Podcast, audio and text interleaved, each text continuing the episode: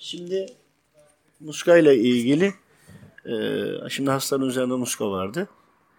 İçinde iki tane cinni vardı. Şimdi nuska yapılmış.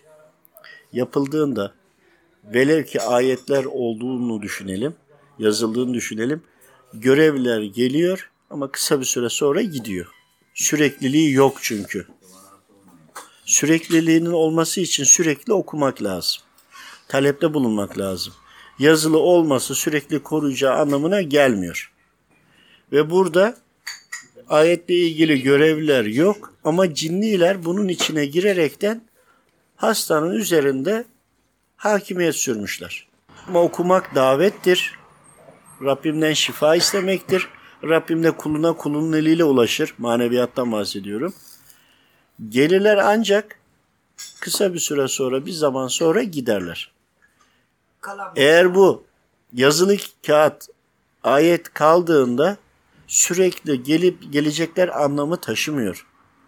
Tekrar gelmesi için yine okumak lazım. Okursan ancak Rabbim müsaade ederse gelir. E böyle olunca da bu sefer yazılı kağıt kalıyor fakat bir koruma herhangi bir işlevi yok. Cinniler de bunu gördüğü için gelip nuskanın içine girip orada rahatlıkla yaşayabilirler.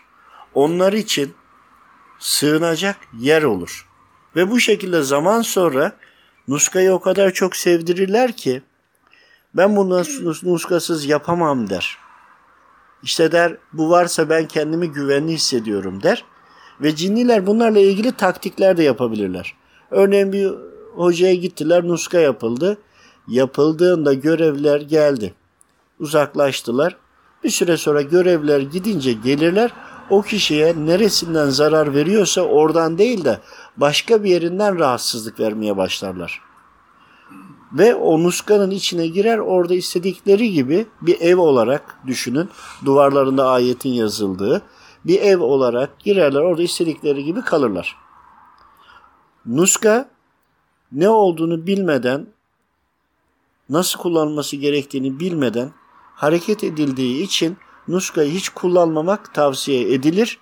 Manadan bilgi alıp da cinlerle alakalı bir haber, onlara bir not yazmak farklı bir olaydır.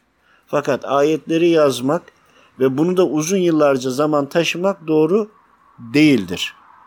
Ve cinniler zekidirler.